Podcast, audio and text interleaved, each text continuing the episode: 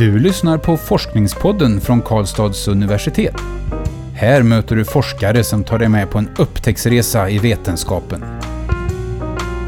Den här podcasten görs av universitetsbiblioteket.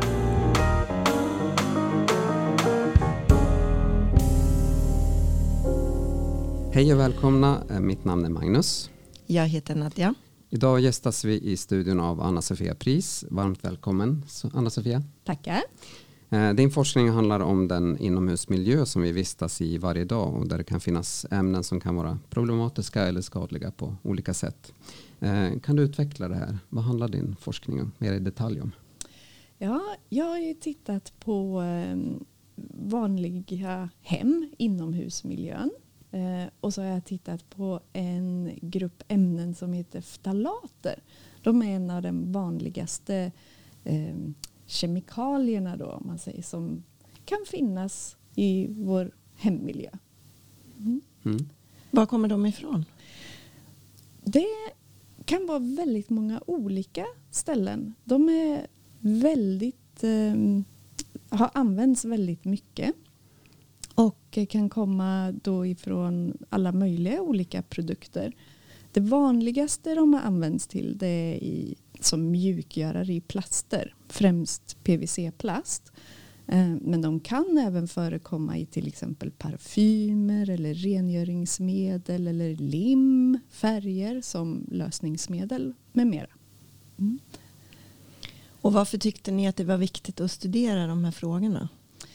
Jo, för att de här ämnena är ju så väldigt vanligt förekommande vi har fått mer och mer indikationer på att de faktiskt är kopplade till hälsoskadliga effekter hos människor.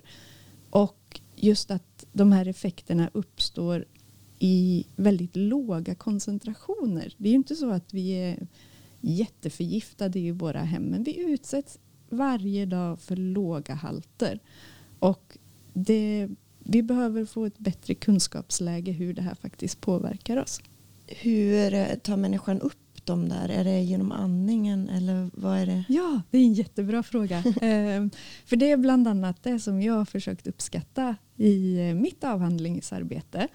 För eh, eh, man måste börja i änden och titta på var, när en produkt, om vi tar till exempel PVC-golv som jag tittar på, om det PVC-golvet släpper ifrån sig ftalater, var hamnar de? Och då kan det vara antingen i luften eller så ligger de kvar på ytan på golvet eller så fastnar de på damm eller något annat. Och då blir ju frågan hur exponeras människan då för luften och dammet eller tar vi på golvet eller hur, hur går det till? Och då måste man eh, titta på hur, hur mycket damm finns det, hur, hur mycket andas man in, hur mycket kommer emot huden och så vidare. Så att det finns många olika sätt vi får i oss det i inomhusmiljön. Men jag vill också påpeka att det är ju inte bara inomhusmiljön som bidrar till upptag av ftalater i, hos människor då, utan maten är också en stor del eftersom förpackningar och, och, olika steg i livsmedelsproduktionskedjorna kan bidra till att ftalater hamnar i mat och dryck. Och hur påverkar de kroppen? För jag antar att det är lite problematiskt att få i sig dem, att det inte är någonting som vi strävar efter direkt. Nej, nej men precis. Och eh, då verkar det ju som att det, en, en vuxen frisk människa, där kan man inte direkt se så jättemycket eh, effekter så här rakt upp och ner. Det är ju inte så att man blir akut förgiftad om man, om man råkar äta en, en snabbmat som hade jättemycket ftalater i sig. Vad vi vet i alla fall. Eh, men däremot så verkar det ju snarare som om de påverkar olika steg i utvecklingen. De är det man kallar för hormonstörande. Eh, nämligen att de kan liksom påverka hur hormonerna i vår kropp fungerar. Och det blir ju extra känsligt då just i eh, speciellt tidig utveckling under människans eh, till exempel fosterstadie och tidig barndom. Så är det just den påverkan som du var intresserad för i din forskning? Alltså hur? Ja. hur fostren påverkas. Så att säga. ja, men precis. Foster och eh, tidig barndom har jag tittat på. Mm. Och hur har du gått tillväga mer konkret så för att undersöka det? Jo, då eh, så allt arbete jag har gjort har varit del i det som heter Selma-studien som eh, eh, genomförs här i Värmland. Då. Eh, en stor studie där över 2000 gravida mammor eh, rekryterades. Och eh, då samlade man in urinprov från de här mammorna eh, under tidig graviditet. Och i de urinproven så har eh, vi analyserat halterna av ftalater. Och då kan man genom det då uppskatta hur, hur exponerade mammorna var.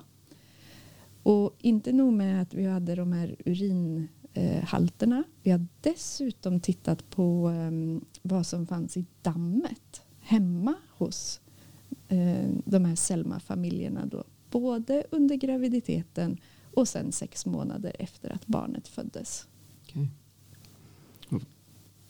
Kollade ni halterna i, i bebisarna också sen? Eller eh, ja, det, det ingick inte i mitt avhandlingsarbete men det, det, har samlats in mycket data i Selma. Det finns eh, artiklar om eh, resultat om, om mer än vad som finns i min avhandling också. Okej, okay, men då, mm. vad är dina viktigaste resultat? Ja, um, jag skulle vilja säga, för att mitt avhandlingsarbete då gick ju ut på att att jag började med att titta på dammet eh, och tittade på en ftalatkälla, då, PVC-golv. Och såg hur hängde ftalathalterna i dammet ihop med PVC-golvet. Sen gick jag från dammet till upptag hos de gravida mammorna genom att koppla an till halterna i urinen. Och sen tittade jag då på upptagsvägar, hud, inandning eh, via munnen och så vidare. Och sen ifrån det gick jag vidare till eh, hälsoutfall i barn och då tittar jag på luftvägsbesvär upp till två års ålder. Och mitt, det som jag kan säga nu när det är klart eh, nog är det jag är mest stolt över och känner att det har bidragit mest det är faktiskt att jag följde hela vägen för det är ganska ovanligt. En, en avhandling brukar ju gräva väldigt djupt på en plats. Min avhandling är kanske inte eh, jättedjup men den är bred på ett sätt som gör att man kan koppla ihop det här från PVC-golven till hälsoutfall. Och vad är det ni såg? Vi såg faktiskt att det gick att följa en utav ftalaterna, för det finns ju många ftalater då eh, och vissa är ju reglerade och förbjudna i många sammanhang medan andra är helt okej okay att använda. Och en utav de här förbjudna ftalaterna den kunde vi faktiskt följa att den ledde till, den fanns, eh, hade familjerna PVC-golv i sovrummen så var det högre halt i dammet. Det var ett högre upptag hos de gravida kvinnorna och ehm, eh, det fanns ett samband mellan halterna då i den, hos, hos den gravida kvinnan och i dammet efter barnet var fött och luftvägsbesvär då hos barnet. Så att, att kunna följa den kedjan är ju ganska cool. Mm.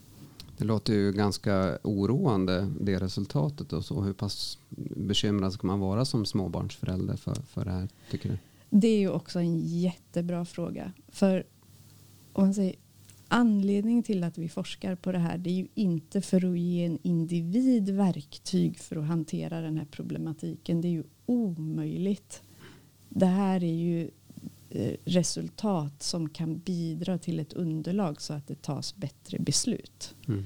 Um, för att risken för ett visst barn är väldigt låg. Liksom. Alltså, eller ja, väldigt och väldigt, men relativt låg. Det är väldigt svårt att avgöra vilket barn som kommer få någon effekt. Utan vi tolkar ju de här resultaten som att något enstaka barn som ligger i någon sorts riskzon. Luftvägsbesvär är ju så komplexa. Det beror ju av så många faktorer. Men för en liten andel barn så kan sån här miljöexponering vara den faktorn som liksom puffar barnet över kanten för att få besvär.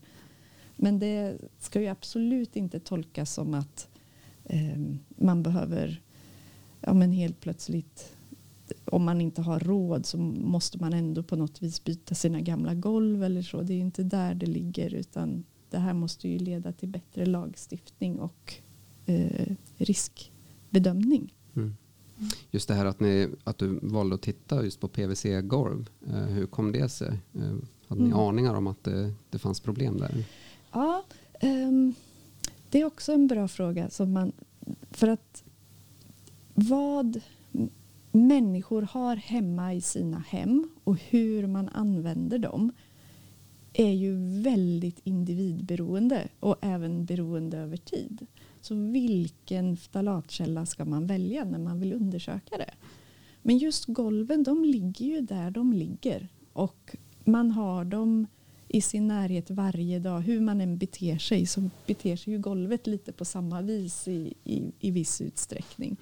Um, och dessutom att det är så många kilo ftalater i ett golv. Liksom det är ganska mycket okay. som det kan bestå utav jämfört med andra produkter som eh, det kan vara lite svårt att veta ja, men en väska eller en tröja flyttar du in eller ut ur sovrummet och du använder på lite olika sätt.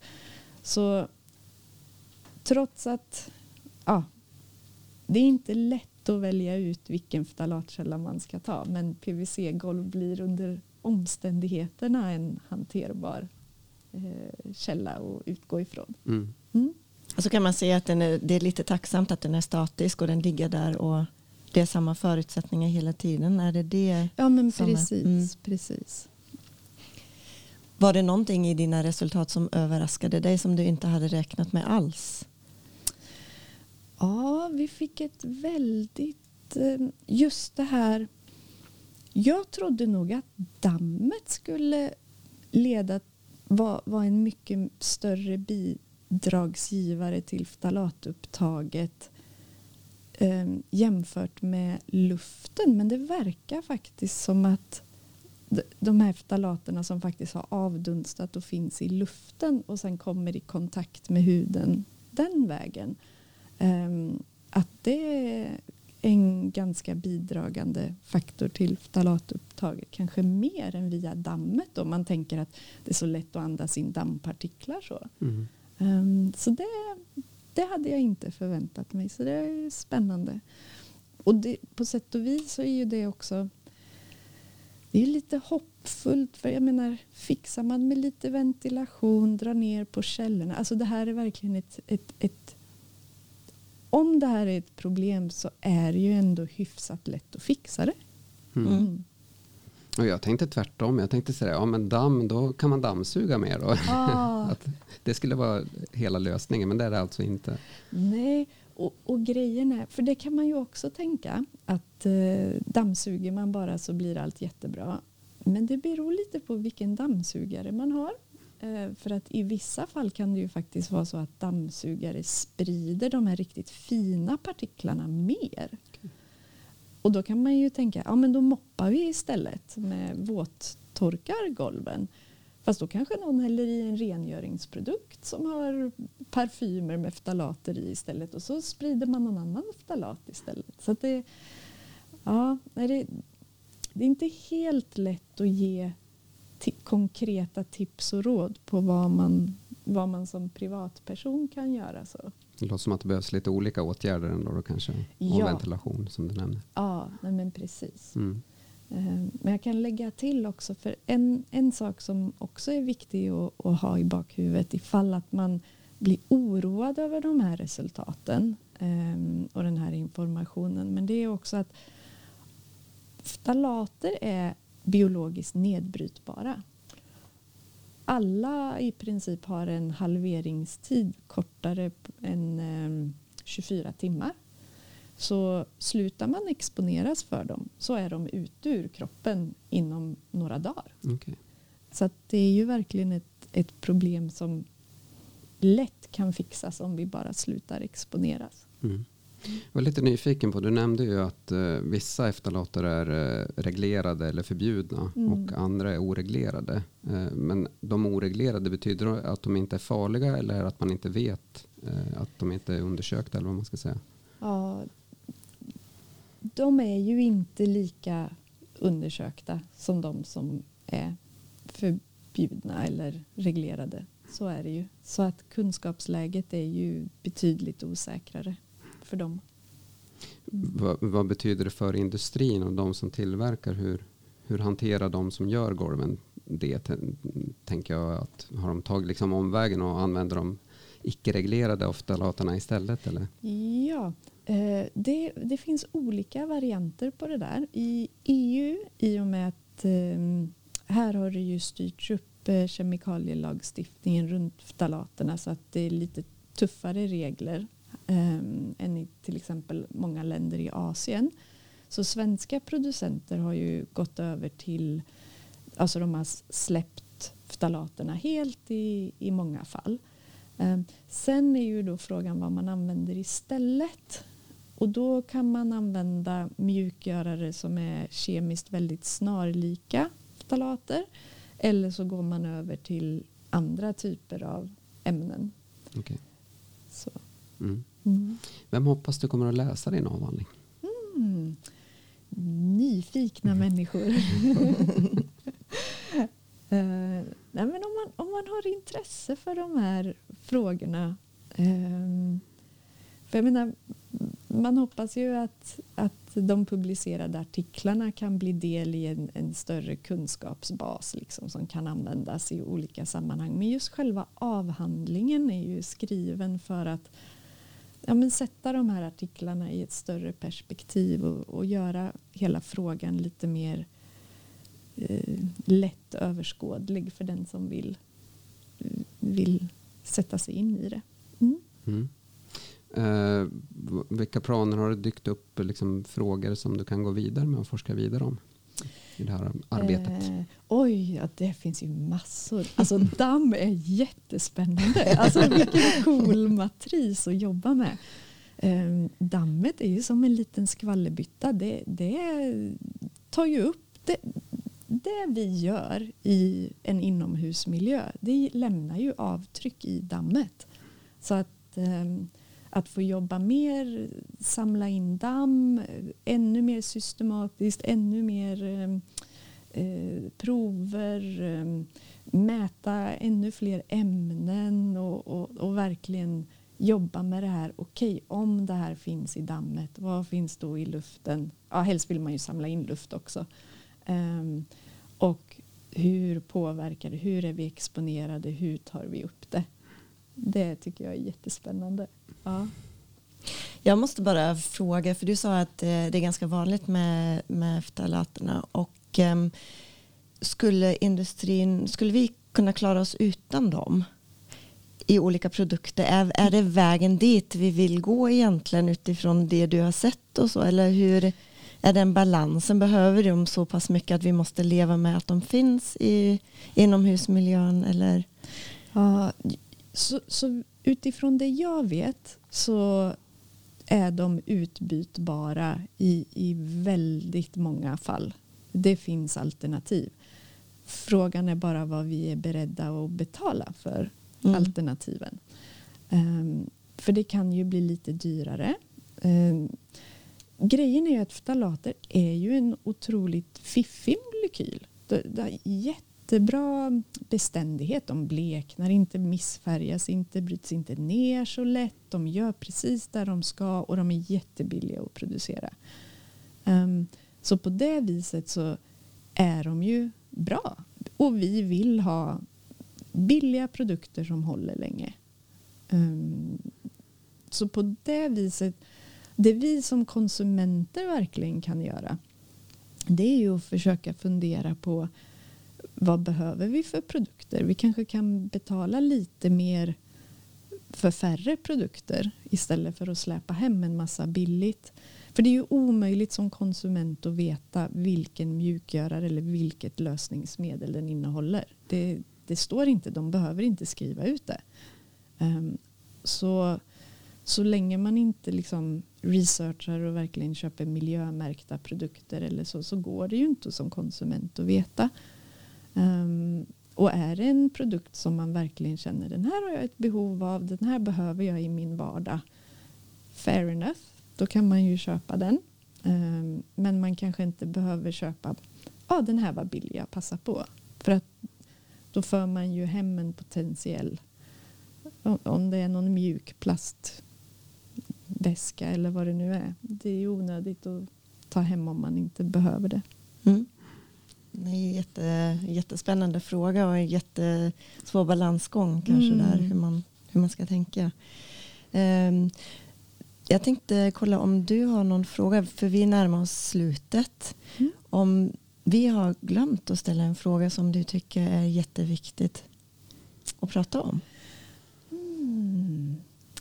Nej, men jag, som sagt, jag, jag, tycker inte man som privatperson ska vara liksom rädd för det här. Men jag tycker man kan vara lite ilsken över, att, över att det faktiskt inte Egentligen borde ju inte mitt forskningsfält behöva finnas. Varför är det inte kontrollerat innan? Uh, och jag menar, kan man på något sätt som konsument liksom, uh, lyfta det perspektivet? Eller, alltså, varför är inte saker bättre kollade innan? Uh, och sätta det i det här större hållbarhetsperspektivet. Just vad behöver vi för prylar? Vad, vad är det rimligt att betala för prylar? Så det, det hänger ihop allting. Så. Jättebra råd till våra lyssnare. Mm. Um, och där vill jag passa på att ställa en fråga som passar in i det här. För nu råd till konsumenter. Men jag tänkte kolla, du var ju doktorand i, i några år nu. Mm. Har du något råd till andra doktorander utifrån det du har upplevt? Oj, hur lång tid har jag på mig? ja, men doktorandtiden är ju verkligen en resa och man, man lär sig ju så mycket. Ehm, jag skulle definitivt säga eh, ställ mycket frågor till många människor. Ehm, och man behöver inte vara så rädd och orolig. Det, det, saker kommer skita sig. Saker tar tre gånger längre tid än vad man tror. Det blir aldrig som man planerade och tänkte sig från början. Och det är helt okej. Okay. Det är så processen är. Och så bara sug upp allt som en svamp och, och njut av tiden och berg och dalbanan som det är. Mm. Jättebra. Eh, tack så jättemycket Anna-Sofia och eh, också tack att du är gästat Forskningspodden idag. Ja, tack så mycket för att jag fick vara med. Lycka till med ditt fortsatta arbete och eh, tack också till er som har lyssnat. Om ni är intresserade att läsa Anna-Sofias doktorsavhandling i folkhälsovetenskap så finns den att ladda ner i vår publikationsdatabas som heter DIVA. Och avhandlingen heter Phthalates, A Full Chain Story Connecting phthalate sources, indoor dust, human intake and airway symptoms in children. Välkommen tillbaka. Du har lyssnat på Forskningspodden från Karlstads universitet. Den här podcasten görs av universitetsbiblioteket. Alla avsnitt hittar du på kau.se forskningspodden.